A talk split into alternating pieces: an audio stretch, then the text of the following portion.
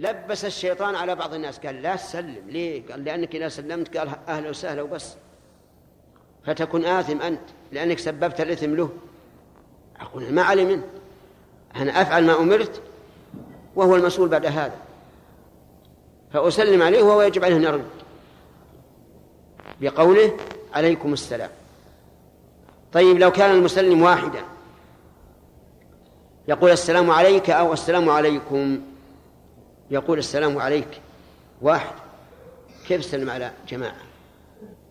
فإذا قال أردت بهذا التعظيم فهذا لا بأس به. لكن الأصل أن تسلم بلفظ السلام عليك كما سلم الرجل الذي صلى في جانب المسجد ثم أتى إلى النبي صلى الله عليه وعلى آله وسلم قال السلام عليك. ومعلوم أنه لا مخلوق أعظم من محمد بن عبد الله صلى الله عليه وعلى آله وسلم. قل السلام عليك. بعض الناس أولها إلى وجه آخر قال إن الإنسان معه ملائكة. كم مع الإنسان من ملك؟ نعم. اثنان عن اليمين وعن الشمال. فيقول السلام عليكم يخاطب الرجل والملائكة الذين معه. فنقول هذا غير وجيه. لأن أحوال الملائكة ليست كأحوال الدنيا. فنقول قل السلام عليك. وإن شئت فقل سلام عليك. واختلف العلماء أيهما أفضل التنكير أو التعريف ولكن والصحيح أن التعريف أفضل. لدلالته على لمح الأصل بأل. والله الله قال رحمه الله تعالى باب السهو. عن أبي هريرة رضي الله عنه قال قال رسول الله صلى الله عليه وسلم إن أحدكم إذا قام يصلي جاءه الشيطان فلبس عليه حتى لا يدري كم صلى. فإذا وجد ذلك أحدكم فليسجد, فليسجد سجدتين وهو جالس متفق عليه. وعن عطاء بن يسار عن أبي سعيد قال قال رسول الله صلى الله عليه وسلم إذا شك أحدكم في صلاته فلم يدر كم صلى ثلاثا أو اربعا.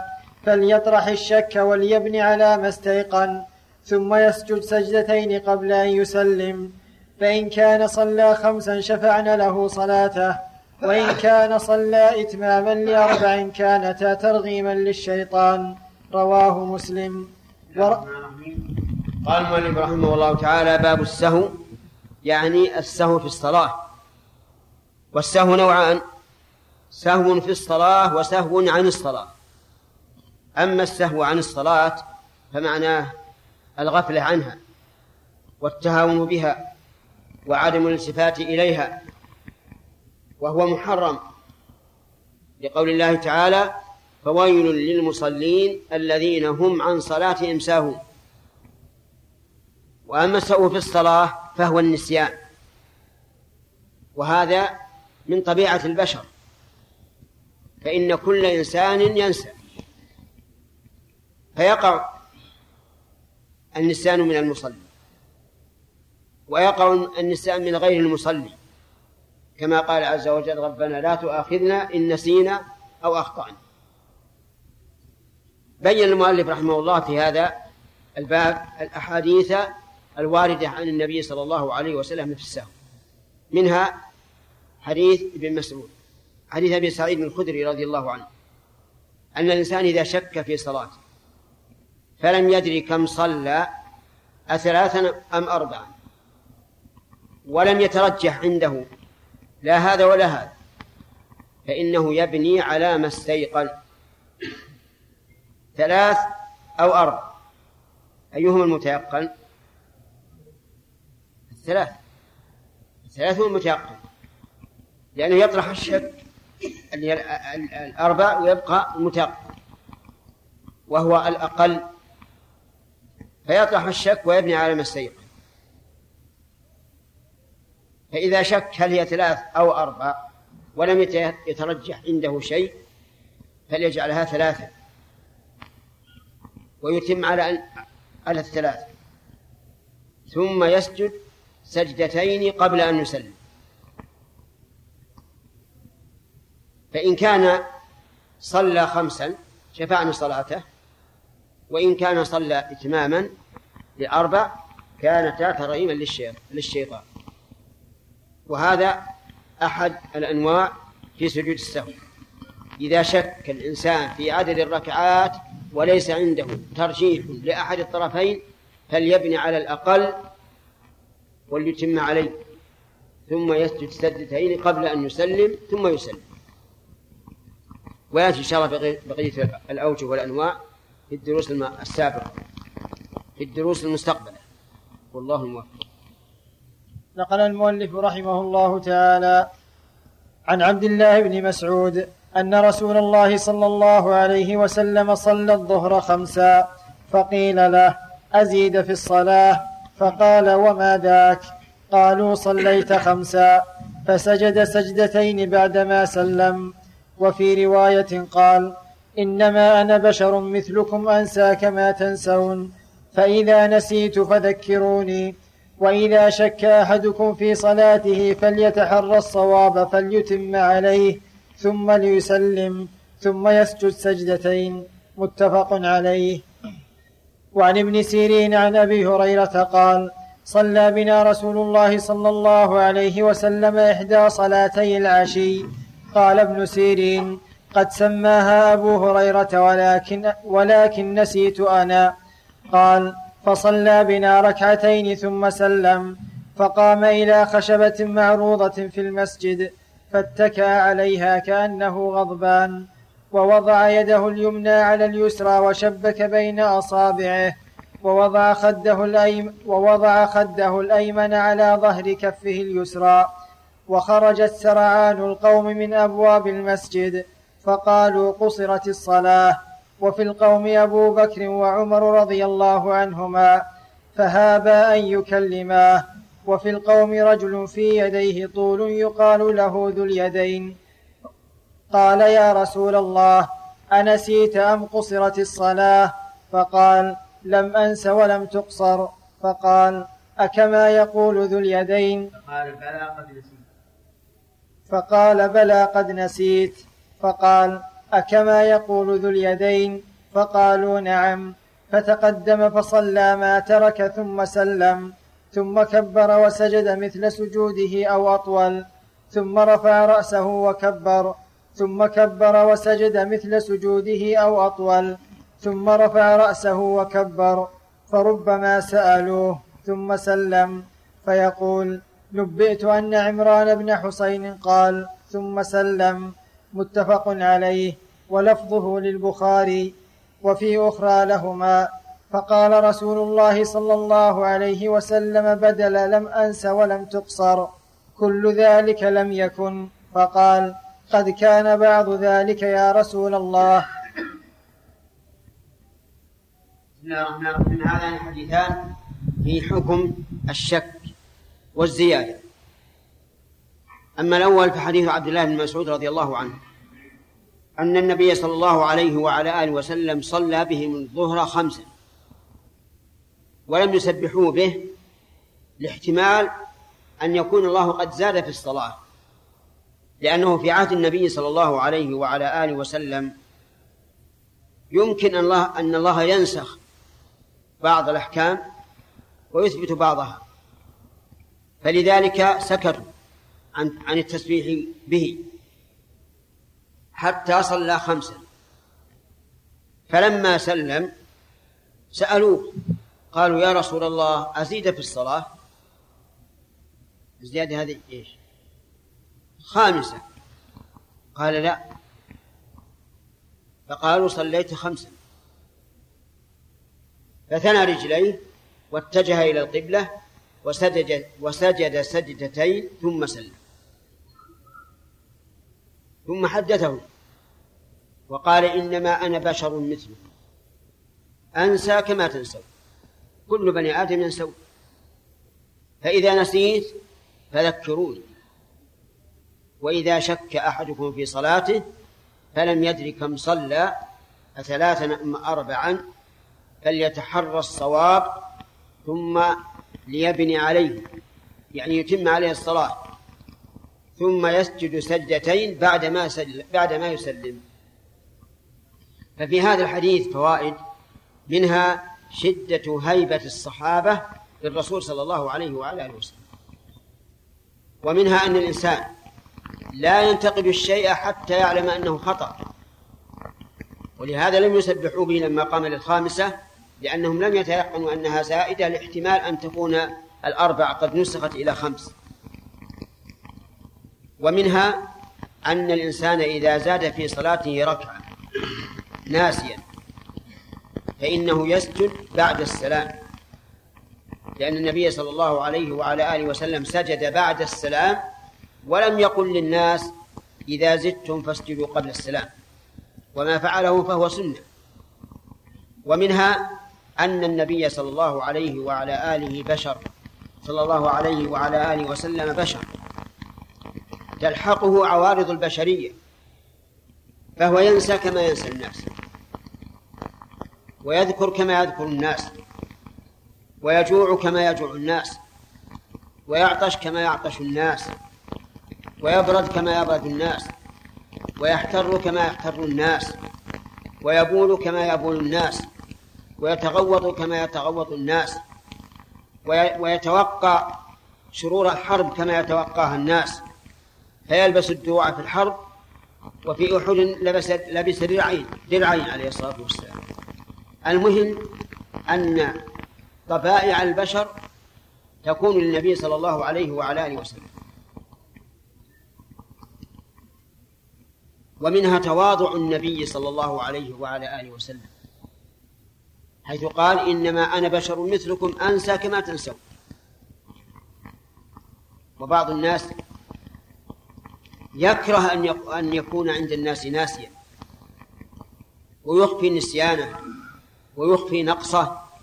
ولكن كما قال الشاعر ومهما تكن عند امرئ من خليقة وإن خالها تخفى على الناس تعلمي ومنها أن الإنسان إذا شك في صلاته وغلب على ظنه أحد الطرفين. الزيادة والنقص فليبني على ما ما ترجح عنده وليسلم وليسجد سجدتين ثم يسلم. وأما ما سبق من حديث عبد الله بن بحينة فهذا إذا شك ولم يترجح فليبني على اليقين وليسجد سجدتين قبل السلام.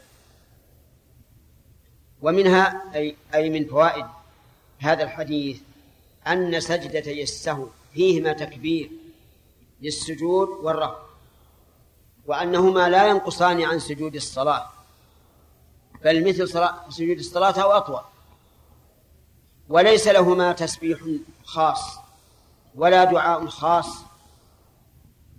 وأما ما يظنه بعض الناس أن لها أن لهاتين السجدتين ذكر خاص أو تسبيح خاص فغلط ليس له أصل. سجود السهو يقال فيها سبحان ربي الأعلى وتكرر. سبحانك اللهم ربنا وبحمدك اللهم اغفر لي. وهي كسجود كسجود الصلاة تماما. وفي هذا الحديث دليل على أنه يسلم من سجود السهو. فإن قال الإنسان كيف يسلم وهي, وهي ليس فيها ركوع ولا قيام ولا قراءة كيف يسلم؟ قلنا لأن هاتين السجدتين تابعتان للصلاة. ولذلك كان سجود التلاوة إذا قرأ الإنسان آية السجدة وسجد فهو فيها تكبير للسجود وليس فيها تكبير للقيام من السجود ولا سلام بخلاف سجود السهو فإنه تابع. وعلى هذا نأخذ من هذا الحديث أن الإنسان إذا زاد في الصلاة يسجد السهو متى؟ بعد السلام. وإذا شك وغلب على ظنه أحد الطرفين يبني على غالب ظنه ويسجد بعد السلام. وأما حديث أبي هريرة فيأتي إن شاء الله تعالى الكلام عليه. والله موفق. نعم. نعم سجود التلاوة يقال فيه سبحان ربي الأعلى ثلاث مرات. لعموم قول النبي صلى الله عليه وعلى آله وسلم لما نزلت قوله تعالى سبح اسم ربك الأعلى قال اجعلوها في سجودكم وهذا عام. لكن لا يكبر له إلا مرة واحدة. ما لم يكن سجود التلاوة في الصلاة فيكبر له إذا سجد وإذا قام. عن ابن سيرين عن أبي هريرة رضي الله عنه قال صلى بنا رسول الله صلى الله عليه وسلم إحدى صلاتي العشي. قال ابن سيرين قد سماها أبو هريرة ولكن نسيت أنا. قال فصلى بنا ركعتين ثم سلم. فقام إلى خشبة معروضة في المسجد فاتكا عليها كأنه غضبان. ووضع يده اليمنى على اليسرى وشبك بين أصابعه. ووضع خده الأيمن على ظهر كفه اليسرى وخرجت سرعان القوم من أبواب المسجد فقالوا قصرت الصلاة. وفي القوم أبو بكر وعمر رضي الله عنهما أن فهاباه أن يكلماه. وفي القوم رجل في يديه طول يقال له ذو اليدين. قال يا رسول الله أنسيت أم قصرت الصلاة؟ فقال لم أنس ولم تقصر.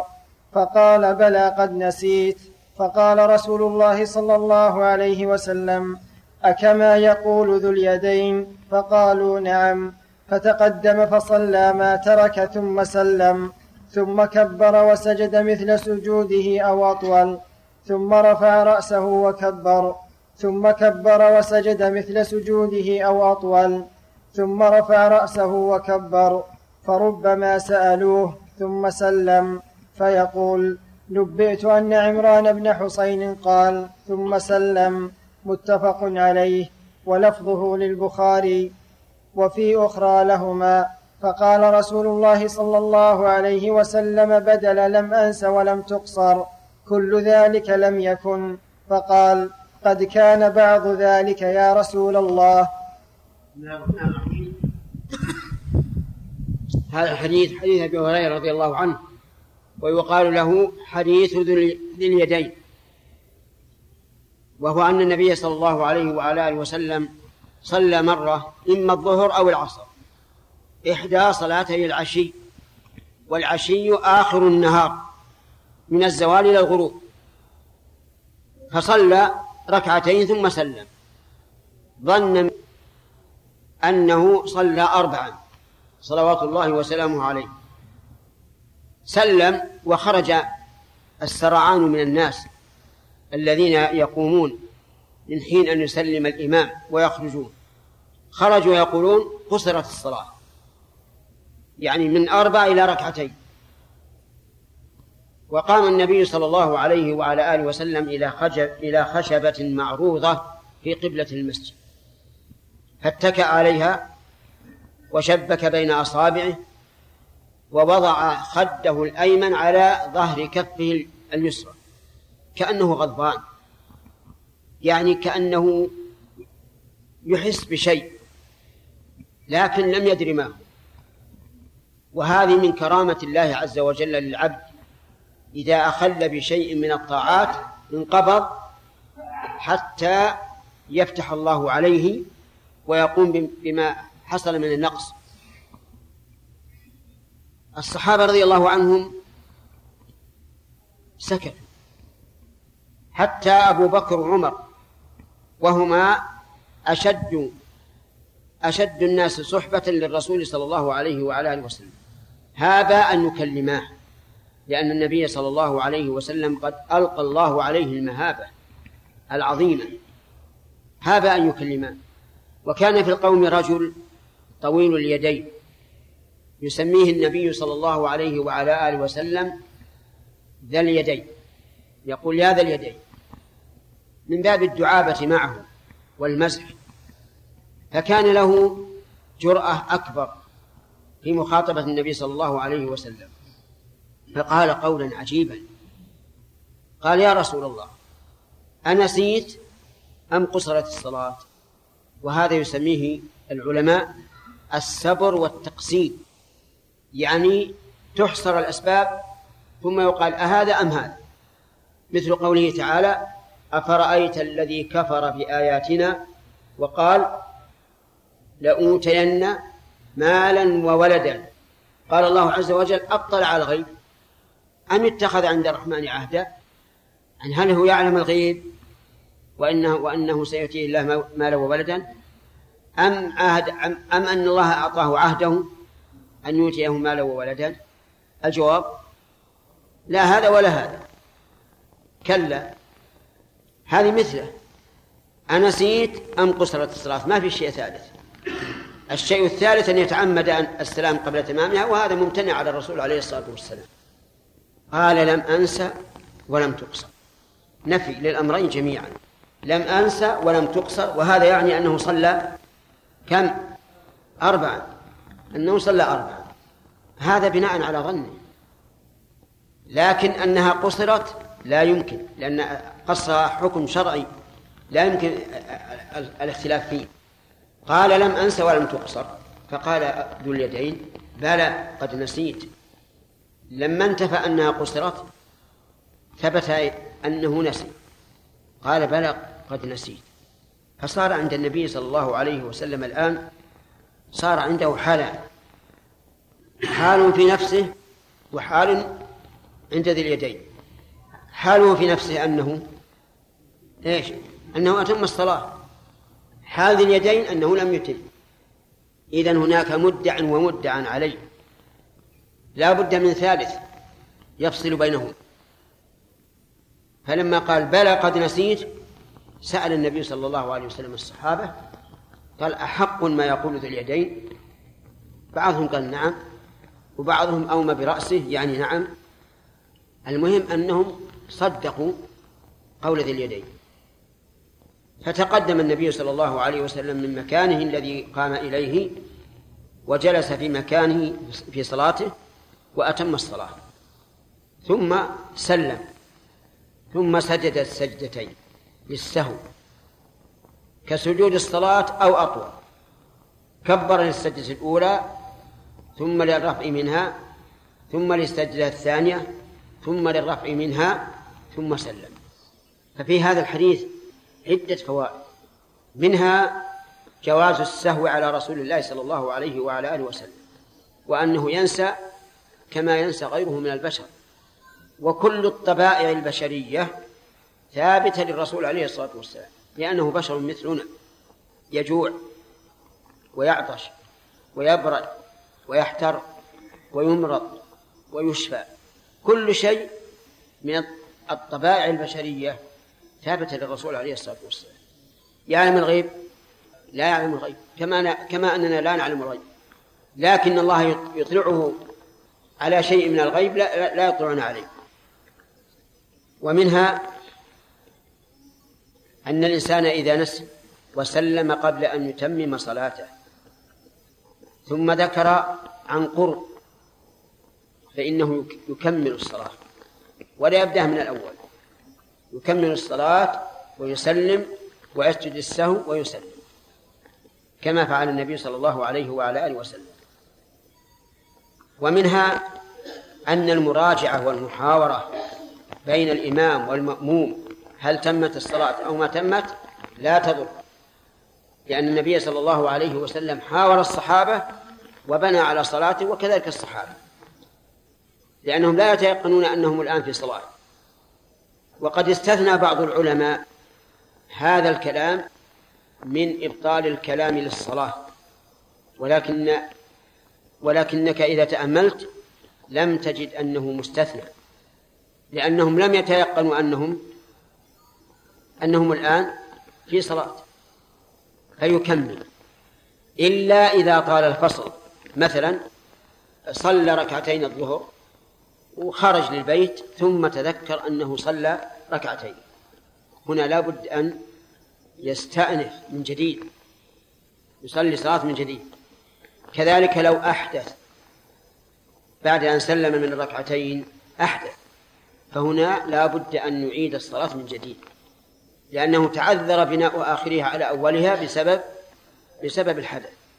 لو شرع في صلاة يعني صلى ركعتين الظهر وسلم وعلى طول قام يصلي الراتبة وذكر في أثناء الراتبة يقطع الراتبة ويكمل صلاة الفريضة لأن الراتبة وقعت في غير محلها فهي باطلة فيتركها ويكمل الفريضة. لو قال قائل ماذا عن السرعان الذين خرجوا حين سلم النبي صلى الله عليه وعلى آله وسلم وقالوا قصرت الصلاة؟ ماذا عليه نقول هؤلاء إن علموا بذلك ورأوا الناس رجعوا إلى صلاتهم ورجعوا وصلوا فلا حرج عليهم. وإن لم يعلموا بذلك وجب على أهل المسجد الذين علموا أن يخبروهم ثم يعيدون الصلاة من جديد. هؤلاء الذين خرجوا. وعلى الإمام نفسه في الصلاة التالية أن يبين ويقول من صلى معنا الظهر وخرج فإنما صلينا ركعتين فعليه أن يعيد الصلاة. لأن ما لا يتم الواجب إلا به فهو واجب. ومن فوائد هذا الحديث عظم هيبة النبي صلى الله عليه وعلى آله وسلم. حيث هابه أخص الناس به وهم وهما أبو بكر وعمر. وإذا كانت هذه الهيبة ألقاها الله عز وجل على شخصه الكريم فيجب أن يكون لدينا هيبة بالنسبة لشريعته صلى الله عليه وعلى آله وسلم. فإن الله إنما ألقى عليه المهابة حماية للشريعة التي جاء بها حتى لا يجرؤ أحد عليها. كذلك أيضا نحن الآن لا نشاهد جسمه الشريف لكن بين أيدينا سنته والحمد لله. علينا أن نهاب هذه السنة وأن لا نتجاوزها ولا نقصر عنها وأن نعتقد أنها دين الله الذي يوصلنا إلى الله عز وجل وإلى دار كرامته. وقد ذكر العلماء رحمهم الله أن من استهزأ بالله أو بآيات الله أو برسول الله أو بشريعة الله فإنه كافر مرتد عن الإسلام حتى لو صلى. كافر. يحل دمه وماله لبيت المال. فإن تاب قال العلماء فإن تاب يقتل وتوبته بينه وبين ربه. نحن نقتله حماية لظاهر الشريعة وحماية لجلال الله عز وجل ولرسوله. نقتله نعدمه حتى لا يجرى أحد على مثل ما جرى عليه. ثم أمره إلى الله إن كانت توبته صحيحة فالله تعالى يقبل التوبة عن عباده ويعفو عن السيئات. وقال بعض العلماء إذا علمنا صحة توبته حين سب الله ورجوعه إلى الله وصلاح حاله فإننا نقبل توبته ولا نقتله. الأول هو المذهب مذهب الحنابلة أن من سب الله يقتل بكل حال ولو تاب ولو أذن في المنارة أنه تائب. نقتله. والثاني قول شيخ الإسلام ابن تيمية وجماعة على أنه إذا صحت توبته رفع عنه رفعنا عنه القتل وننظر نتتبعه لا نطلقه هكذا. أما من سب الرسول صلى الله عليه وعلى آله وسلم فإننا نقتله ولو تاب. لو أعلن توبته على المنابر نقتله. حتى لو علمنا صحة توبته وأن الرجل بدأ يصلي وبدأ يحترم الأحاديث ويحترم السنة فإننا نقتله. فاهمين؟ اللي يسب الرسول الذي يسب الله ويتوب ونعلم توبته لا نقتله. واللي يسب الرسول ويتوب ونعلم توبته نقتله. كذا. قد تستنكرون. أيما أعظم حق الرب عز وجل أو حق الرسول؟ حق الله. وما عظم حق الرسول إلا لعظم حق الله عز وجل إلا لأن الله أرسله. أما هو فرجل من قريش لكن الله أكرمه بهذه النبوة. كيف نقتل من سب الرسول وتاب ولا نقتل من سب الله وتاب؟ الجواب أن من سب الله وتاب فإن الله قد ذكر عن نفسه أنه يقبل التوبة عن عباده. ويعفو عن السيئات. وقال عز وجل قل يا عبادي الذين أسرفوا على أنفسهم لا تقنطوا من رحمة الله إن الله يغفر الذنوب جميعا إنه هو الغفور الرحيم. فقد علمنا بكلامه عز وجل أنه عفى عن عن من سبه إذا تاب إليه. والحق لمن؟ الحق لله. فإذا أسقطه الله بالتوبة فليس لنا حق. الرسول عليه الصلاة والسلام حقه لمن؟ سب حق لمن؟ حق الرسول سب الرسول حق للرسول. والنبي صلى الله عليه وسلم لم يقل لنا من سبني وتاب من مسبتي فإني عاف عنه. لو قال هكذا قلنا إذا لا نقتله. لكن ما قال هذا. وحق الرسول حق آدم. لا نعلم أنه عفى عنه. فنأخذ بالثأر لمن؟ صلى الله عليه والله عليه وسلم. ولهذا فيه أناس في حياة الرسول عليه الصلاة والسلام سبوا الرسول وجعلوا ينشدون الأشعار بسبه وعفى عنهم عليه الصلاة والسلام. لأن هذا حقه ما لنا ما لنا ما لنا أن نتكلم. لكن بموته يجب علينا ونحن أتباعه الذين يغضبون لغضبه. يجب علينا أن نقتل من سبه سواء تاب أو تاب. طيب إذا علمنا أنه تاب من سب الرسول؟ علمنا أنه تاب توبة حقيقية وصار يكثر من الصلاة على النبي صلى الله عليه وسلم ويكثر من الثناء عليه ومن التزام سنته. علمنا أنه تاب تماما. نقتله. نقتله. ولكننا لا نقتله على أنه كافر بل نقتله على أنه مسلم. فنغسله ونكفنه ونصلي عليه وندفنه مع المسلمين. ونسأل الله العفو والرحمة. لأن توبته مقبولة عند الله عز وجل. لكنما قتلناه أخذا بإيش؟ بالثأر لرسول الله صلى الله عليه وعلى آله وسلم. وهذا ما قاله شيخ الإسلام ابن تيمية رحمه الله وهو الحق الواضح كهذه الشمس. وله رحمه الله كتاب اسمه الصارم المسلول في تحتم قتل ساب الرسول. لشيخ الإسلام ابن تيمية رحمه الله. كتاب عظيم. بين في حق الرسول. حق الله أولا ثم حق الرسول ثم حق الصحابة. وبين أن من سب الصحابة فهو كافر خارج عن الإسلام. لأن اللي يسب الصحابة يا جماعة؟ هل هو ساب لشخص الصحابي؟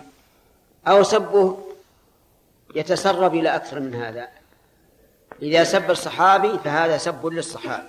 هذه واحدة. هذا أيضا قدح في الشريعة الشريعة الإسلامية. من الذي نقل الشريعة الإسلامية؟ الصحابة رضي الله عنهم. وإذا كانوا على زعم هذا الرجل فجر فسق كفر. حتى يقول بعضهم إن أبا بكر وعمر ماتا على النفاق وأنهما في النار خالدين قاتلهم الله. قاتلهم الله. قاتلهم الله. ويدعون أنهم شيعة علي. وعلي يقتلهم لو قالوا هذا أمامه. علي يعلن على على منبر الكوفة بعد أن كان خليفة لا معارض له. يقول خير هذه الأمة بعد نبيها أبو بكر ثم عمر. وهؤلاء الذين يدعون أنهم من شيعة علي يلعنون أبا بكر وعمر. ويسبونهما. ويقولان مات على النفاق. وأبو بكر إنما قال إنما اصطحبه النبي صلى الله عليه وسلم في الغار خوفا منه لا كرامة له. وكذلك جعله معه في العريش يوم بدر خوفا منه. قاتلكم الله أن تؤفكون المهم هذا الكتاب الصالح المسؤول شيخ الإسلام كتاب عظيم. بين فيه حق الله حق الرسول حق الصحابة. قلنا الذي يسب الصحابة يسب الصحابة هذه واحدة. ثانيا يسب إيش؟ الشريعة لأنها جاءت من قبلهم. ثالثا يسب الرسول. يسب الرسول. بالله عليكم أصحاب الإنسان أيكونون بشكله أو من أو أو لا؟ من شكله. ولهذا قال النبي صلى الله عليه وسلم المرء على دين خليله فلينظر أحدكم من يخالل. وقال الشاعر الأول عن المرء لا تسأل وسل عن قرينه. فكل قرين بالمقارن يقتدي فإذا كان أصحاب رسول الله فجرة فسقة فماذا يكون حكم الرسول؟ القرين مع القرين. كذلك أيضا هو قدح في حكمة الرب عز وجل أن يختار لهذا النبي المصطفى على بني على بني آدم أن يختار له أقواما من سفلة الناس وأراذلهم. قدح في الحكمة الإلهية. فصار هؤلاء الذين يسبون الصحابة سبوا الصحابة واحد. اثنين. قدحوا في الشريعة. ثلاثة. سبوا الرسول صلى الله عليه وسلم. ضمنا. أربعة. قدحوا في حكمة الله عز وجل. أين الإسلام؟ أين الإسلام من هؤلاء؟ لكننا نقول كل من سب الرسول صلى الله عليه وعلى آله وسلم فإننا نقتله. لأنه مرتد. فإن تاب توبة نصوحا قلنا ارتفع عنه حكم الردة ولكن لا بد من قتله وإلى بقية الحديث إن شاء الله في درس قادم. والحمد لله رب العالمين. نقل المؤلف رحمه الله تعالى عن ابن سيرين عن أبي هريرة رضي الله عنه قال صلى بنا رسول الله صلى الله عليه وسلم إحدى صلاتي العشي. قال ابن سيرين قد سماها أبو هريرة ولكن نسيت أنا. قال فصلى بنا ركعتين ثم سلم فقام إلى خشبة معروضة في المسجد فاتكأ عليها كأنه غضبان ووضع يده اليمنى على اليسرى وشبك بين أصابعه ووضع خده الأيمن على ظهر كفه اليسرى وخرجت سرعان القوم من أبواب المسجد فقالوا قصرت الصلاة وفي القوم أبو بكر وعمر رضي الله عنهما فهاباه أن يكلماه. وفي القوم رجل في يديه طول يقال له ذو اليدين. قال يا رسول الله أنسيت أم قصرت الصلاة؟ فقال لم أنس ولم تقصر. فقال بلى قد نسيت. فقال رسول الله صلى الله عليه وسلم أكما يقول ذو اليدين؟ فقالوا نعم. فتقدم فصلى ما ترك ثم سلم. ثم كبر وسجد مثل سجوده أو أطول ثم رفع رأسه وكبر ثم كبر وسجد مثل سجوده أو أطول ثم رفع رأسه وكبر فربما سألوه ثم سلم فيقول نبئت أن عمران بن حسين قال ثم سلم متفق عليه ولفظه للبخاري وفي أخرى لهما فقال رسول الله صلى الله عليه وسلم بدل لم أنس ولم تقصر كل ذلك لم يكن. فقال قد كان بعض ذلك يا رسول الله. بسم الله الرحمن الرحيم. نتكلم على بقية هذا الحديث. ذكرنا في الدرس الماضي شرح الحديث وشيئا من فوائده. انتهينا إلى أن النبي صلى الله عليه وعلى آله وسلم لما سأل الصحابة هل ما قاله ذو اليدين حق؟ قالوا نعم. فتقدم فصلى ما ترك. فيستفاد من هذا أن الإنسان لو سلم ثم قام ثم ذكر أو ذكر أنه سلم قبل الإتمام فإنه يجب أن يرجع إلى مكانه ويجلس ثم يقوم. وذلك لأن قيامه الأول حين سلم لم يكن قياما للصلاة. بل قيام على أنه فرغ من الصلاة. وهذا القيام لا بد منه أن أن ينوي القيام لإتمام الصلاة.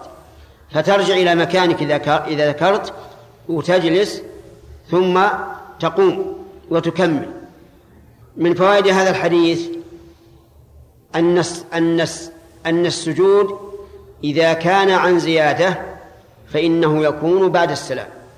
وذلك لأن النبي صلى الله عليه وعلى آله وسلم سجد بعد السلام لأنه أتى بزيادة. الزيادة التي أتى بها أنه سلم في أثناء الصلاة. والسلام ركن من أركان الصلاة فيكون زاد ركنا في أثنائها. ولذلك أتم ثم سجد. قال أهل العلم والحكمة من ذلك أنه يكون أن سجود السهو يكون بعد السلام في الزيادة لأن لا يجتمع في الصلاة زيادتان.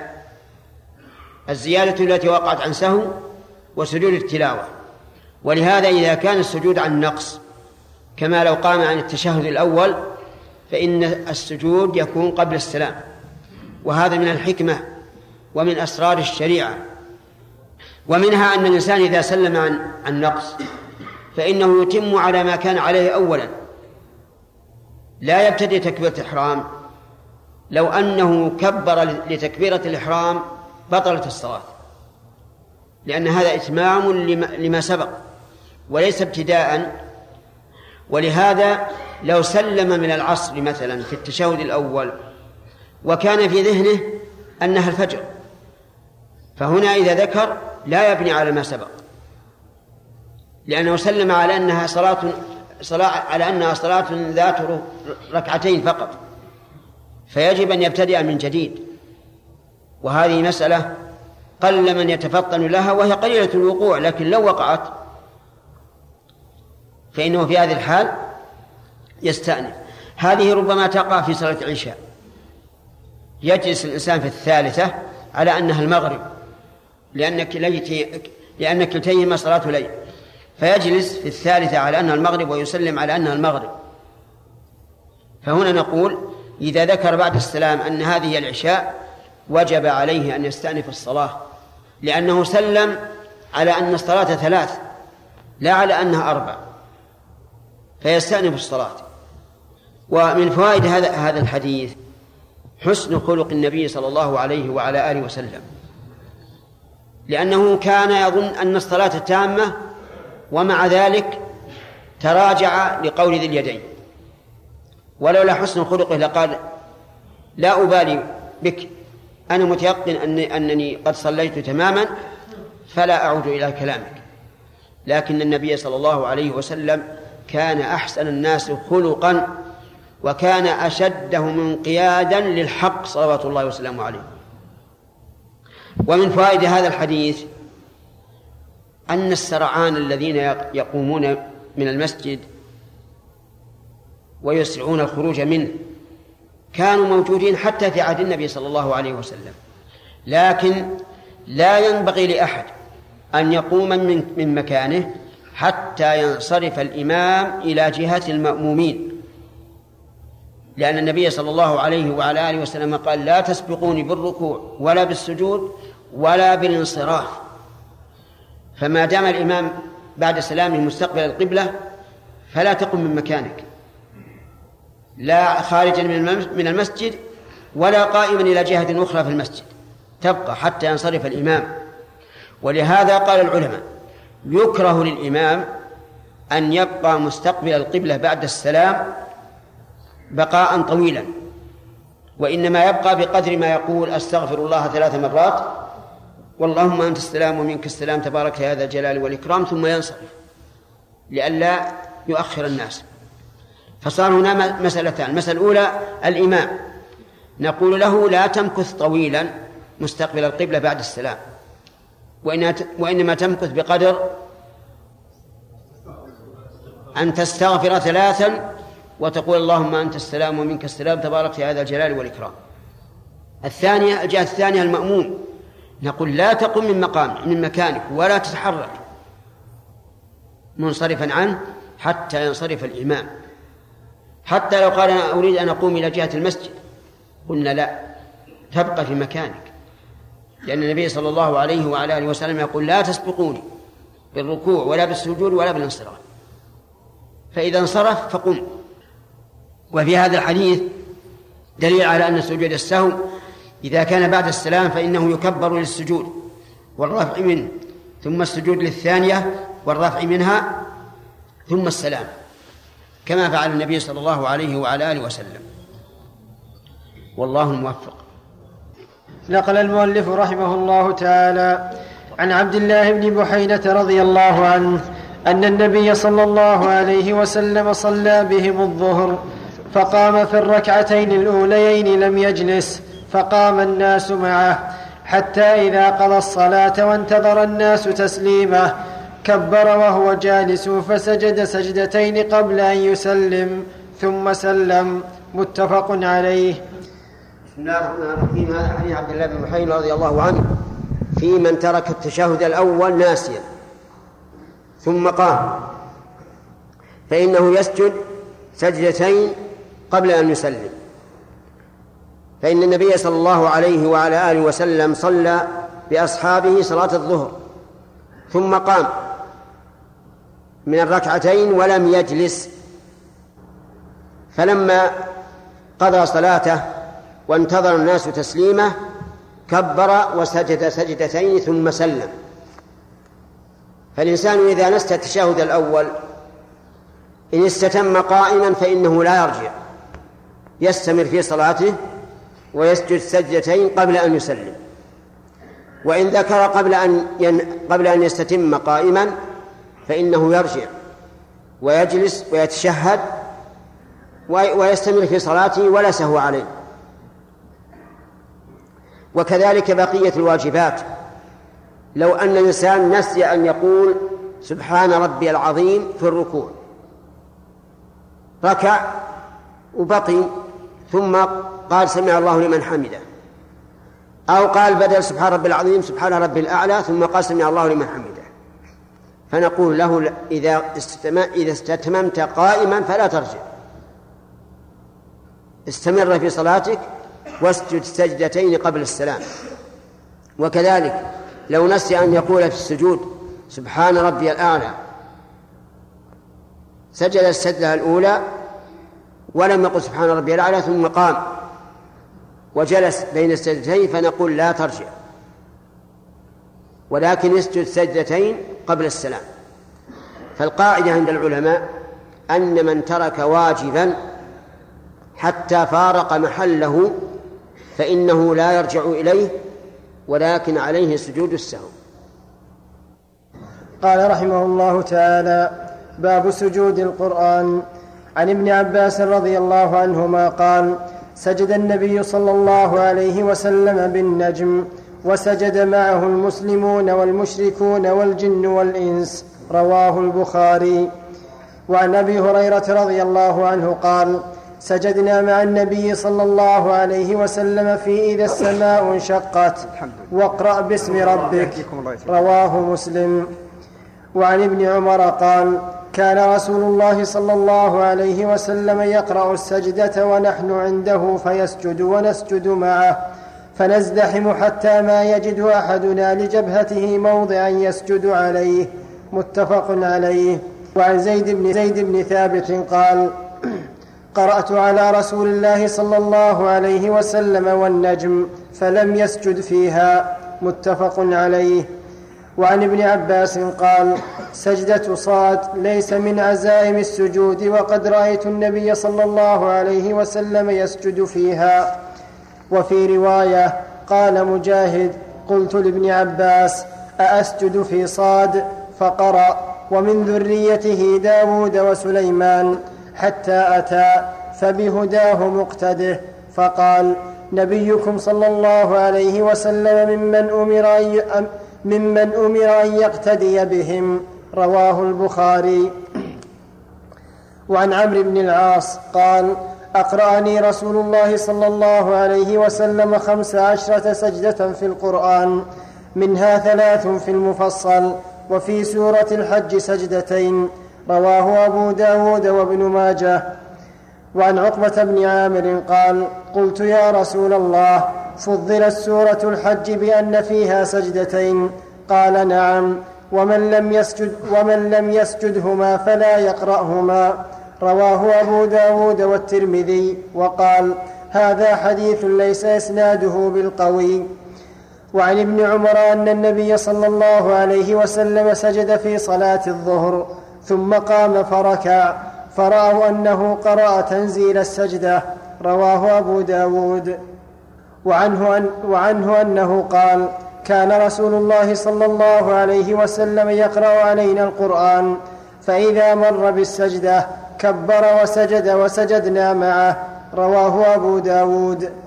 وعنه أنه, وعنه أنه قال إن رسول الله صلى الله عليه وسلم قرأ عام الفتح سجدة فسجد الناس كلهم منهم الراكب والساجد على الأرض حتى إن الراكب ليسجد على يده رواه أبو داود. وعن ابن عباس أن النبي صلى الله عليه وسلم لم يسجد في شيء من المفصل منذ تحول إلى المدينة. رواه أبو داود. وعن عائشة قالت كان رسول الله صلى الله عليه وسلم يقول في سجود القرآن بالليل سجد وجهي للذي خلقه وشق سمعه وبصره بحوله وقوته. رواه أبو داود والترمذي والنسائي. وقال الترمذي هذا حديث حسن صحيح. وعن ابن عباس رضي الله عنهما قال جاء رجل إلى رسول الله صلى الله عليه وسلم فقال يا رسول الله رأيتني الليلة وأنا نائم كأني أصلي خلف شجرة. فسجدت فسجدت فسجدت الشجرة لسجودي فسمعتها تقول اللهم اكتب لي بها اللهم اكتب لي بها عندك أجرا. وضع عني بها وزرا واجعلها لي عندك ذخرا وتقبلها مني كما تقبلتها من عبدك داود قال ابن عباس. فقرأ النبي صلى الله عليه وسلم سجدة ثم سجد فسمعته وهو يقول مثل ما أخبره الرجل عن قول الشجرة. رواه الترمذي وابن ماجه إلا أنه لم يذكر. وتقبلها مني كما تقبلتها من عبدك داود. وقال الترمذي هذا حديث غريب. وعن ابن مسعود أن النبي صلى الله عليه وسلم قرأ والنجم فسجد فيها وسجد من كان معه غير أن شيخا من قريش أخذ كفا من حصى أو تراب فرفعه إلى جبهته وقال يكفيني هذا؟ قال عبد الله فلقد رأيته بعد قتل كافرا. متفق عليه. وزاد البخاري في رواية وهو أمية بن خلف.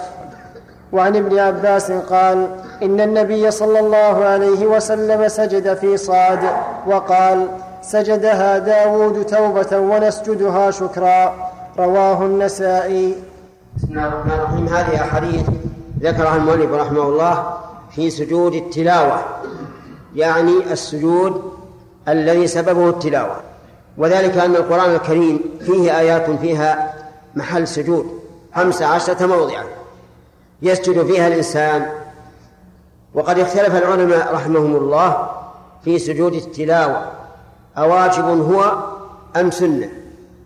فذهب كثير من العلماء إلى أنه واجب وأن من مر بآية سجدة ولم يسجد كان آثما واستدل بقول الله تعالى فما لهم لا يؤمنون وإذا قرئ عليهم القرآن لا يسجدون. يعني إذا قرئ عليهم القرآن الذي فيه السجود لا يسجدون تكبرا.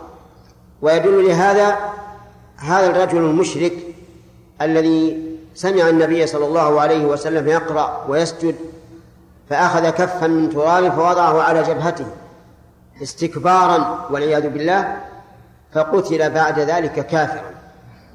لأنه استكبر عن الذل لله عز وجل بوضع جبهته على الأرض.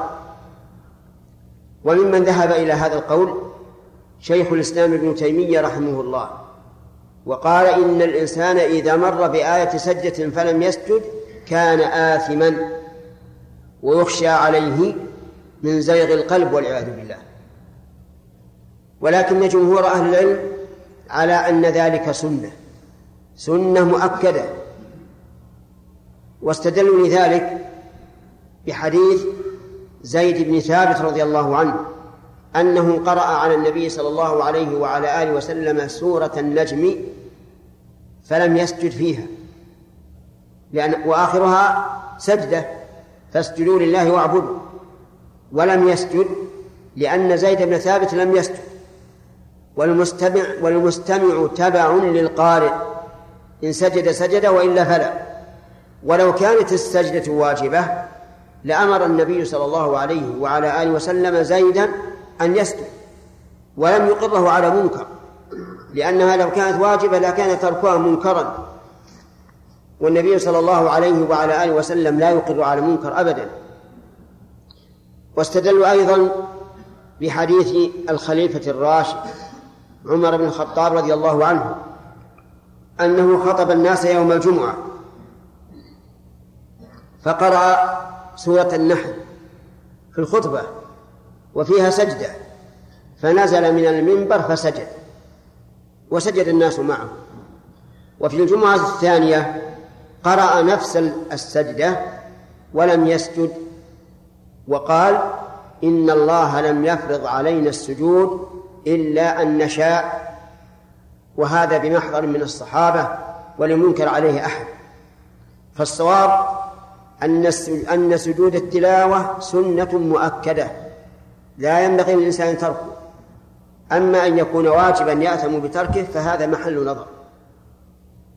والنصوص التي استدل بها من يوجبه ليس صريحة في الوجوب إذ أنه يحتمل أن معنى قوله إذا قرئ عليهم القرآن لا يسجدون أي لا يخضعون له ولا يستجيبون له. فإن السجود يكون بمعنى الذل للشيء. ولكن ماذا عن سجود التلاوة؟ أهو صلاة أم سجود مجرد؟ من العلماء من يقول إن حكمه حكم صلاة النافلة. يشترط فيه ما يشترط في صلاة النافلة.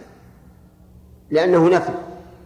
ومنهم من يقول إنه سجود مجرد فيجوز أن يسجد على غير طهارة وأن يسجد إلى غير القبلة وإلى أي اتجاه كان. وهذا اختيار شيخ الإسلام ابن تيمية رحمه الله لكن الذي نرى أنه لا بد فيه من الطهارة ومن استقبال القبلة ومن سائر شروط صلاة النفل لأنه ليس من ليس من الأدب أن الإنسان يسجد لله عز وجل وظهره إلى القبلة أو يسجد على غير وضوء. والغالب أن قارئ القرآن يكون متوضئا. ثم هل سجود التلاوة هل له ذكر أو مجرد سجود؟ والجواب له ذكر. تكبير عند السجود وقول سبحان ربي الأعلى لقول النبي صلى الله عليه وعلى آله وسلم لما نزلت هذه الآية اجعلوها في سجودكم. فلا بد من قول سبحان ربي الأعلى. كذلك سبحانك اللهم ربنا وبحمدك اللهم اغفر لي كما دل على ذلك قوله تعالى في سورة ألف لام ميم تنزيل السجدة إنما يؤمن بآياتنا الذين إذا ذكروا بها خروا سجدا وسبحوا بحمد ربهم وهم لا يستكبرون. ثم يقوم من السجود بدون تكبير وبدون تسليم. إلا إذا كان يسجد في الصلاة إذا كان يسجد في الصلاة فإنه يكبر إذا سجد ويكبر إذا رفع. يعني مثلا لو قرأ سورة السجدة وهو يصلي كما في فجر يوم الجمعة فإنه يكبر إذا سجد ويكبر إذا رفع لأنها لما كانت في الصلاة كانت كسجود الصلاة. يكبر لها إذا سجد ويكبر إذا رفع. وهل يسجد التلاوة إذا كان في وقت النهي؟ كما لو قرأ بعد العصر أو بعد الفجر؟ الجواب نعم يسجد. لأن كل صلاة لها سبب فليس عنها نهي. خذ هذا الضابط. كل صلاة لها سبب فليس عنها نهي. كتحية المسجد وسنة الوضوء وغيرهما كل صلاة لها سبب فليس عنها نهي بل تصلى حيث وجد سببها مطلقا. وإذا سجد وإذا سجد القارئ فهل يسجد من حوله؟ الجواب في هذا تفصيل. إن كان من حوله يستمع له منصتا له يتابعه بقلبه فإنه إذا سجد القارئ سجد لأنه تابع له. وإن لم يسجد القارئ لم يسجد. وإن كان سامعا لا مستمعا بمعنى أنه مر بشخص يقرأ القرآن فسجد هذا الشخص فإن الذي سمعه لا يسجد. لأن هذا السامع ليس له حكم القارئ فلا يثاب على سمعه إنما يثاب على استماعه فلا يسجد ولهذا ولهذا نقول يسن سجود التلاوة للقارئ وإيه؟ والمستمع دون السامع. وإذا كان إماما وسجد وجب على المأمومين أن يتابعوه. تبعا لإمامه وهذا إذا كان في صلاة جهر لأنه إذا كان في صلاة الجهر فقد استمعوا له فيسجدون معه. وأما إذا كان في صلاة السر فلو صح الحديث الذي ذكره المؤلف أن النبي صلى الله عليه وسلم قرأ بهم في صلاة الظهر فسجد وسجدوا معه وقالوا لا نرى إلا أنه قرأ تنزيل السجدة لو صح هذا الحديث لكان فيه دليل على أن الإمام له أن يقرأ السجدة في الصلاة السرية وأنه إذا سجد سجد الناس معه. لكن هذا القرآن هذا الحديث في صحته نظر. لو ثبت عن النبي صلى الله عليه وعلى آله وسلم لوجب علينا الأخذ به لكنه لم يثبت. فلذلك ذكر الفقهاء أن الإمام يكره له أن يقرأ في صلاة السر بآية سجدة. لأنه بين أمرين. إما أن لا يسجد فيكون ترك أمرا مشروعا. وإما أن يسجد فيلبس على على من؟ على المؤمنين على المأمومين. وقال بعض الناس يزول هذا الالتباس بأن يجهر بآية السجدة إذا مر بها وهو يصلي سرا حتى يسمع المأمومون. قراءته ثم يسجد ويسجدون. لكن في النفس من هذا الشيء. لأنه إذا فعل ذلك فقد شرع ما ليس بمشروع. لأن ظاهر الحديث الذي ذكره المؤلف أن النبي صلى الله عليه وسلم لم يجهر بالقراءة حين سجد في صلاة السر. على كل حال الأولى للإمام في صلاة السر أن لا يقرأ بآية سجدة والحمد لله القرآن واسع وكثير سوى آيات السجدات والله موفق. قال رحمه الله تعالى باب أوقات النهي. عن ابن عمر رضي الله عنهما قال قال رسول الله صلى الله عليه وسلم لا يتحرى أحدكم فيصلي عند طلوع الشمس ولا عند غروبها. وفي رواية قال إذا طلع حاجب الشمس فدعوا الصلاة حتى تبرز. فإذا غاب حاجب الشمس فدعوا الصلاة حتى تغيب. ولا تحينوا بصلاتكم طلوع الشمس ولا غروبها فإنها تطلع بين قرني الشيطان. متفق عليه. وعن عقبة بن عامر قال ثلاث ساعات كان رسول الله صلى الله عليه وسلم ينهانا أن نصلي فيهن أو نقبر فيهن موتانا. حين تطلع الشمس بازغة حتى ترتفع وحين يقوم قائم الظهيرة حتى حتى تميل الشمس وحين تضيف الشمس للغروب حتى تغرب. رواه مسلم.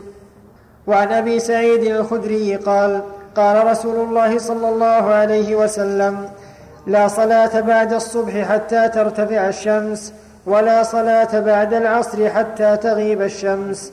متفق عليه.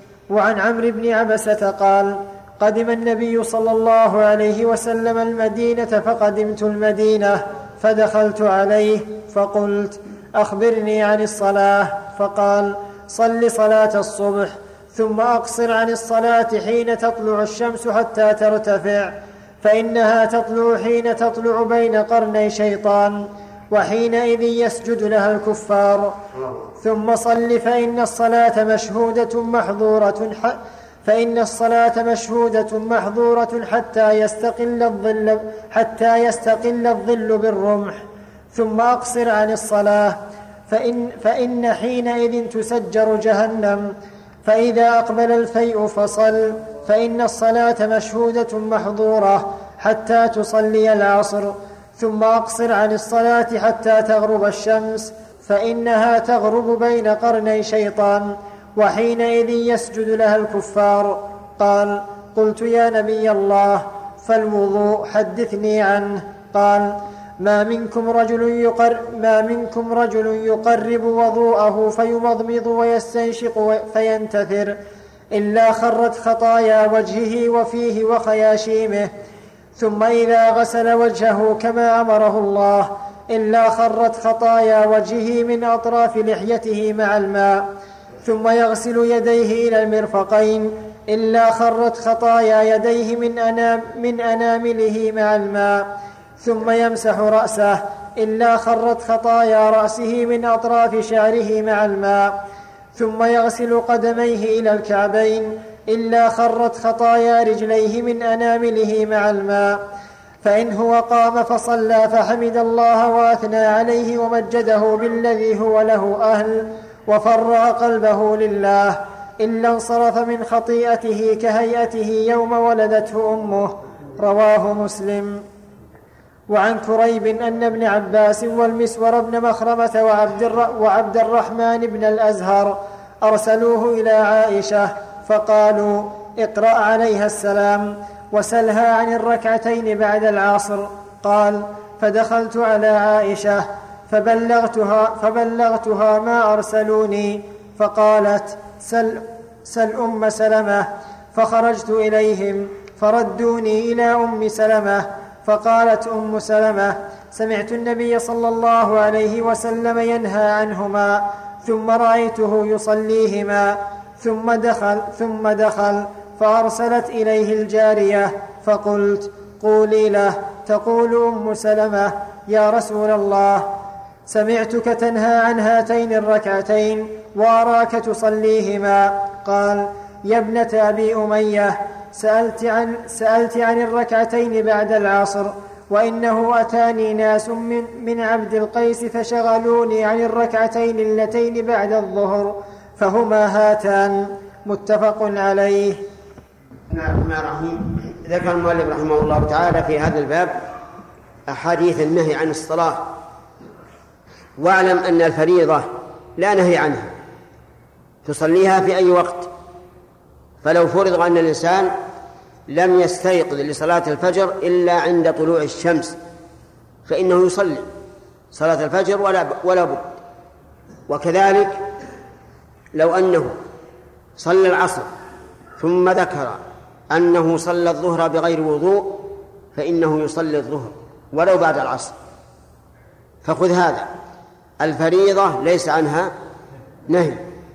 لقول النبي صلى الله عليه وعلى آله وسلم من نام عن صلاة أو نسيها فليصليها إذا ذكرها. إذا ذكرها أي وقت. لا كفارة لها إلا ذلك. النوافل التي لها أسباب ليس عنها نهي. متى وجد سببها صليت في أي وقت؟ كتحية المسجد مثلا. فإذا دخلت المسجد في أي وقت؟ صباحا ومساء ليلا أو نهارا فلا تجلس حتى تصلي ركعتين. حتى لو لم يبقى على غروب الشمس إلا خمس دقائق صل. أو لم يبقى إلا خمس دقائق على الطلوع فصل. كذلك أيضا سنة الوضوء. الإنسان إذا توضأ وأسبغ الوضوء وصلى ركعتين لا يحدث فيهما نفسه غفر الله له ما تقدم من ذنبه. فصل إذا توضأت ركعتين متى توضأت. فإنه سنة سواء العصر أو الفجر أو أي وقت. كذلك أيضا لو كسفت الشمس بعد العصر بعد صلاة العصر فإن الكسوف تصلى. لا يقول الإنسان هذا وقت نهي ما في الصلاة لا. صلي. لأن النبي صلى الله عليه وسلم قال في الكسوف والخسوف إذا أرأيتموهما فصلوا. فخذ هذا. كل صلاة نافلة لها سبب فإنه ليس عنها نهي. صلها أي وقت كان. بقينا الصلاة التي ليس لها سبب النافلة التي ليس لها سبب. كإنسان جالس يريد أن يصلي. فهذا لا يصلي في أوقات النهي. لأن النبي صلى الله عليه وعلى آله وسلم نهى عن ذلك.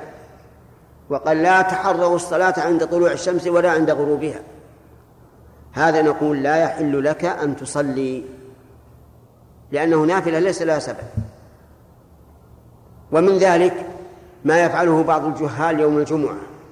تجده جاء مبكرا للمسجد وصلى ما شاء الله ثم قرأ جلس يقرأ. فإذا قارب زوال الشمس قام يصلي. هذا حرام عليه. يعني تقوم تصلي عند في وقت النهي بلا سبب لا يحل. نعم لو قدر أن الإنسان من حين دخل المسجد للجمعة قام يصلي إلى مجيء الإمام فهذا رخص فيه بعض العلماء. مع أن في النفس من ذلك شيء شيئا. فيجب عليه إذا تحرى وقت النهي أن يتوقف إلا تحت المسجد. وعلى هذا فما هي أوقات النهي؟ اسمع. من صلاة الفجر إلى طلوع الشمس. ومن طلوع الشمس إلى أن ترتفع قيد رمح. وهذا محاري ثلث ساعة وعند قيامها حتى تزول. يعني معناه إذا ارتفعت في جو في السماء فإنه يضعف سيرها في رأي العين إلى أن تزول وهذا مقدار ثمان دقائق إلى خمس دقائق قبل الزوال. الرابع من صلاة العصر إلى أن يبقى بينها أي بين الشمس وبين الغروب مقدار رمح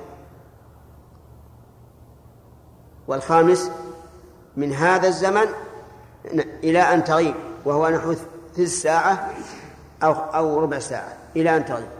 هذه خمسة أوقات لا يحل للإنسان أن يتنفل فيها نفلا بلا سبب فإن فعل فهو آثم وصلاته مردودة عليه غير مقبولة منه. لقول النبي صلى الله عليه وعلى آله وسلم من عمل عملا ليس عليه أمرنا فهو رد أي مردود عليه. هناك ثلاث أوقات من هذه الخمسة يزاد فيها أنه لا يدفن الميت في هذه الأوقات وهو وهي من طلوع الشمس إلى أن ترتفع عقيدة رمح. مقدار كم؟ نعم ربع ساعة أو نحو. فلو فرض أننا أتينا بجنازة وجعلنا نسوي القبر بعد صلاة الفجر. جعلنا نسوي القبر حتى طلعت الشمس وانتهى تسوية القبر. هنا نقول لا يجوز أن ندفن الجنازة. نصبر إلى متى؟ حتى ترتفع الشمس قيد رمح كذلك لو ذهبنا بجنازة في الضحى وصلنا المقبرة قبل الزوال بعشر دقائق ما ندفن الميت. حتى تزول الشمس يعني حتى يدخل وقت الظهر. كذلك إذا وصلنا إلى المقبرة العصر وجعلنا نسوي القبر حتى بقي على غروب الشمس قدر رمح فهنا لا يجوز أن ندفن الميت. يجب أن ننتظر حتى تغرب الشمس. في حديث عقبة بن عامر رضي الله عنه قال ثلاث ساعات نهانا رسول الله صلى الله عليه وعلى آله وسلم أن نصلي فيهن وأن نقبر فيهن موتانا. إذا طلعت الشمس بازغة حتى ترتفع يعني قدر وحين يقوم قائم الظهيرة حتى تزول. وحين تضيف الشمس للغروب حتى تغرب. هذه ثلاث ساعات يحرم أن يدفن الميت فيها. لماذا؟ الله أعلم. هذا شيء ما ندري. قد يكون هذا سببا لعذابه في القبر وقد يتأذى الميت إذا دفن في هذه الحال ما ندري الله أعلم. نحن ما علينا إلا أن نقول إيش؟ سمعنا وأطعنا. والله أعلم بالسبب. المهم أن لا تدفن الميت في هذه الأوقات الثلاثة. إذا طلعت الشمس حتى ترتفع روح إذا قاربت من الزوال حتى تزول. إذا بقي عليها على الغروب مقدار رمح حتى تغرب الشمس. الخلاصة الآن صلاة الفرائض ليس عنها. نهي. النوافل التي لها سبب ليس عنها نهي. النوافل التي ليس لها سبب عنها نهي. والأوقات كما أعددت لكم خمسة ولا ثلاثة؟ خمسة. يختص ثلاثة من هذه الخمسة بأنه يحرم فيها دفن الميت. وهي من طلوع الشمس حتى ترتفع قيد الرمح وعند قيامها حتى تزول وقبل الغروب إذا كان بينها وبين الغروب مقدار رمح. والله الموفق. شيخ بعض الناس يأتي في آخر ساعة من الجمعة يتقصد أن يأتي المسجد ليصلي التحية ويجعل دعاءه في هذه الساعة في صلاته حتى تغرب الشمس. حديث وهو قال يصلي يسأل الله شيئا إلا أعطاه نعم. فهل له أن يتقصد هذه الصلاة ليدعو هذا الدعاء في هذه الساعة؟ أما إذا جاء إذا إذا دخل المسجد إذا دخل المسجد لأجل يصلي فهذا لا يجوز لأنه قصد النهي آه، الصلاة في وقت النهي. أما إذا جاء لصلاة المغرب هذا لا بأس على أن أرجى ساعة تجاب فيها يجاب فيها الدعاء وقت صلاة الجمعة ما بين أن يدخل الإمام حتى تنتهي الصلاة. إذا كان لا يدري ما عليه شيء اليد اليد عليها إثم إذا استوت قارنها فإذا زالت فارقها. فإذا دنت للغروب قارنها. فإذا غربت فارق سمعت رسول الله صلى الله عليه وسلم يقول لا صلاة بعد الصبح حتى تطلع الشمس ولا بعد العصر حتى تغرب الشمس. إلا بمكة إلا بمكة إلا بمكة. رواه أحمد ورزين. بسم الله الرحمن الرحيم. سبق الكلام على أوقات النهي التي ينهى عن الصلاة فيها وبينا أن الفريضة لا نهي عنها. متى ذكرتها فصلها وأن النوافل التي لها سبب لا نهي عنها. متى وجد سببها فصلها وبينا أن الأوقات خمسة وتختص ثلاثة أوقات منها بأنه لا يحل أن يدفن فيها الميت وهي من طلوع الشمس إلى أن ترتفع قيد رمح. هذه لا يجوز أن يدفن فيها الميت. ومثال ذلك لو خرجنا بالجنازة وبقينا نحفر القبر وانتهى حفره وتلحيده عند طلوع الشمس فإنه لا يحل أن ندفن الميت حينئذ حتى ترتفع قيد رمح. ومقدار ذلك من الربع الساعة إلى ثلث ساعة. الثاني إذا قاربت الزوال يعني عند الظهر مقدار خمس دقائق إلى سبع دقائق. والثالث إذا بقي على الغروب على غروب الشمس مقدار رمح فهذه الأوقات الثلاثة لا يجوز أن يدفن فيها الميت. حتى لو كان على شفير القبر نوقف الدفن. فإذا زال النهي دفناه. أما حديث أبي ذر جندب بن جنادة رضي الله عنه فحديث ضعيف. أن أن النهي في غير مكة. والصواب أن مكة وغيرها سواء وأن الأوقات التي ينهى عن الصلاة فيها في غير مكة ينهى عنها في مكة. لأن الحديث ضعيف وأحاديث النهي عامة وعلتها واضحة وهذه العلة لا تفترق مكة فيها عن غيرها.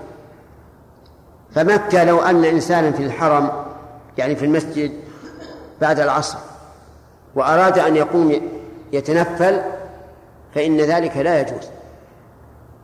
لكن لو دخل المسجد الحرام وأراد أن يصلي ركعتين فله ذلك كغيره من المساجد.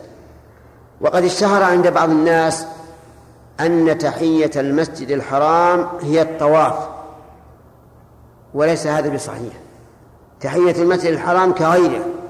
ركعتان إلا من دخل ليطوف فإن الطواف يجزئ عنهما. والله موفق. قال رحمه الله تعالى باب الجماعة وفضلها. عن ابن عمر رضي الله عنهما قال قال رسول الله صلى الله عليه وسلم صلاة الجماعة تفضل صلاة الفذ بسبع وعشرين درجة. متفق عليه. وعن أبي هريرة رضي الله عنه قال قال رسول الله صلى الله عليه وسلم والذي نفسي بيده لقد هممت أن آمر بحطب فيحطب ثم آمر بالصلاة فيؤذن لها ثم آمر رجلا فيؤم الناس ثم أخالف إلى رجال وفي رواية لا يشهدون الصلاة فأحرق عليهم بيوتهم فأحرق عليهم بيوتهم والذي نفسي بيده لو يعلم أحدهم أنه يجد عرقا سمينا أو مرماتين حسنتين لشهد العشاء. رواه البخاري ولمسلم نحوه. بسم الله الرحمن الرحيم. قال المؤلف رحمه الله تعالى باب الجماعة وفضلها. يريد بالجماعة الصلاة مع الجماعة وفضلها أي ما يرتب عليها من الثواب. واعلم أن العلماء رحمهم الله أجمعوا على أن صلاة الجماعة من أفضل الأعمال. ولكن اختلفوا هل هي فرض عين أو فرض كفاية أو سنة مؤكدة يأثم تاركها على أقوال. والقول الراجح أو هي أيضا أو هي شرط لصحة الصلاة وأن من صلى منفردا مع قدرته على الجماعة فلا, فلا صلاة له. على أقوال. قال شيخ الإسلام ابن تيمية رحمه الله وابن عقيل من أصحابنا ورواية عن الإمام أحمد إن صلاة الجماعة شرط لصحة الصلاة وأن من تركها وهي واجبة عليه بلا عذر فلا صلاة له. صلاته باطلة كالذي يصلي بلا وضوء ولهم أدلة. وقال آخرون هي سنة مؤكدة لكن يأثم تاركها. وهذا بمعنى القول إنها واجبة. ومنهم من قال إنها فرض كفاية والصحيح أنها فرض عين يجب على كل رجل قادر على حضور الجماعة أن يحضر سواء كان مقيما أم مسافرا وسواء كانت الصلاة جمعة أم غير جمعة. فمن فعل أي صلى بلا عذر منفردا فهو آثم عاص لله ورسوله والعياذ بالله. صلاة الجماعة تحصل باثنين. يعني برجلين. وتحصل أيضا على القول الراجح برجل وصبي. وتحصل أيضا برجل وامرأة. ولكن لا شك أنه كلما كانت أكثر فهو أفضل وأحب إلى الله عز وجل. ثم ذكر من فضلها حديث عبد الله بن عمر رضي الله عنهما أن النبي صلى الله عليه وعلى آله وسلم قال صلاة الجماعة تفضل على صلاة الفذ بسبع وعشرين درجة. سبع وعشرين درجة. يعني صليت صليت وحدك درجة. صليت مع الجماعة بسبع وعشرين درجة. وأيهما أولى بالعاقل؟ الثاني أو الأول؟ الثاني الإنسان الآن لو يرى أنه يربح في السلعة عشرة في المئة لكان يبادر إلى شرائها ويبادر إلى تصريفها ويتعب بدنه وعقله وفكره في ذلك والربح عشرة في المئة وهو ربح قابل للزوال بل لا بد أن يزول. مالك الذي بيدك لا بد أن يزول أو تزول أنت عنه. لا يمكن أن تخلد له ولا أن يخلد لك. سبع وعشرين درجة في صلاة الجماعة. كم الربح في المئة؟ واحد يكون سبع وعشرين. الواحد سبع وعشرين. العشرة مئتين وسبعين. فهذا فرق عظيم. ومع ذلك هذا الثواب يبقى وتجده في يوم أنت أحوج ما يكون إليه. ومن المؤسف أن كثيرا من الناس يتهاون مع هذا الفضل العظيم. ثم أن صلاة الجماعة فيها تنشيط للإنسان. الإنسان إذا صلى مع الجماعة صار أنشط له. الصلاة مع الجماعة فيها حفظ الصلاة لأن الإنسان إذا صلى مع الجماعة سوف يصلي مع إمام يراعي السنة في القراءة في الركوع في السجود في القيام في القعود فيحصل على صلاة تامة. وإذا صلى وحده فإن غالب الناس إذا صلوا وحدهم لعب بهم الشيطان ونقروا الصلاة كنقر الغراب. صلاة الجماعة فيها الإلفة بين المسلمين يتآلفون ويتحابون ويرشد بعضهم بعضا ويساعد بعضهم بعضا لأن الرجل إذا كان من عادته أن يصلي مع الجماعة ثم تخلف فقده الناس وسألوا عن حاله وساعدوه إن كان في فقر وحاولوا أن أن يتطببوا له إن كان في مرض. في صلاة الجماعة تعليم الجاهل ولهذا تجد أكثر الناس الآن يصلون والحمد لله وهم عوام ما درسوا. لكن بماذا تعلموا؟ بشهودهم الجماعة. يرون الناس يصلون فيصلون مثلهم.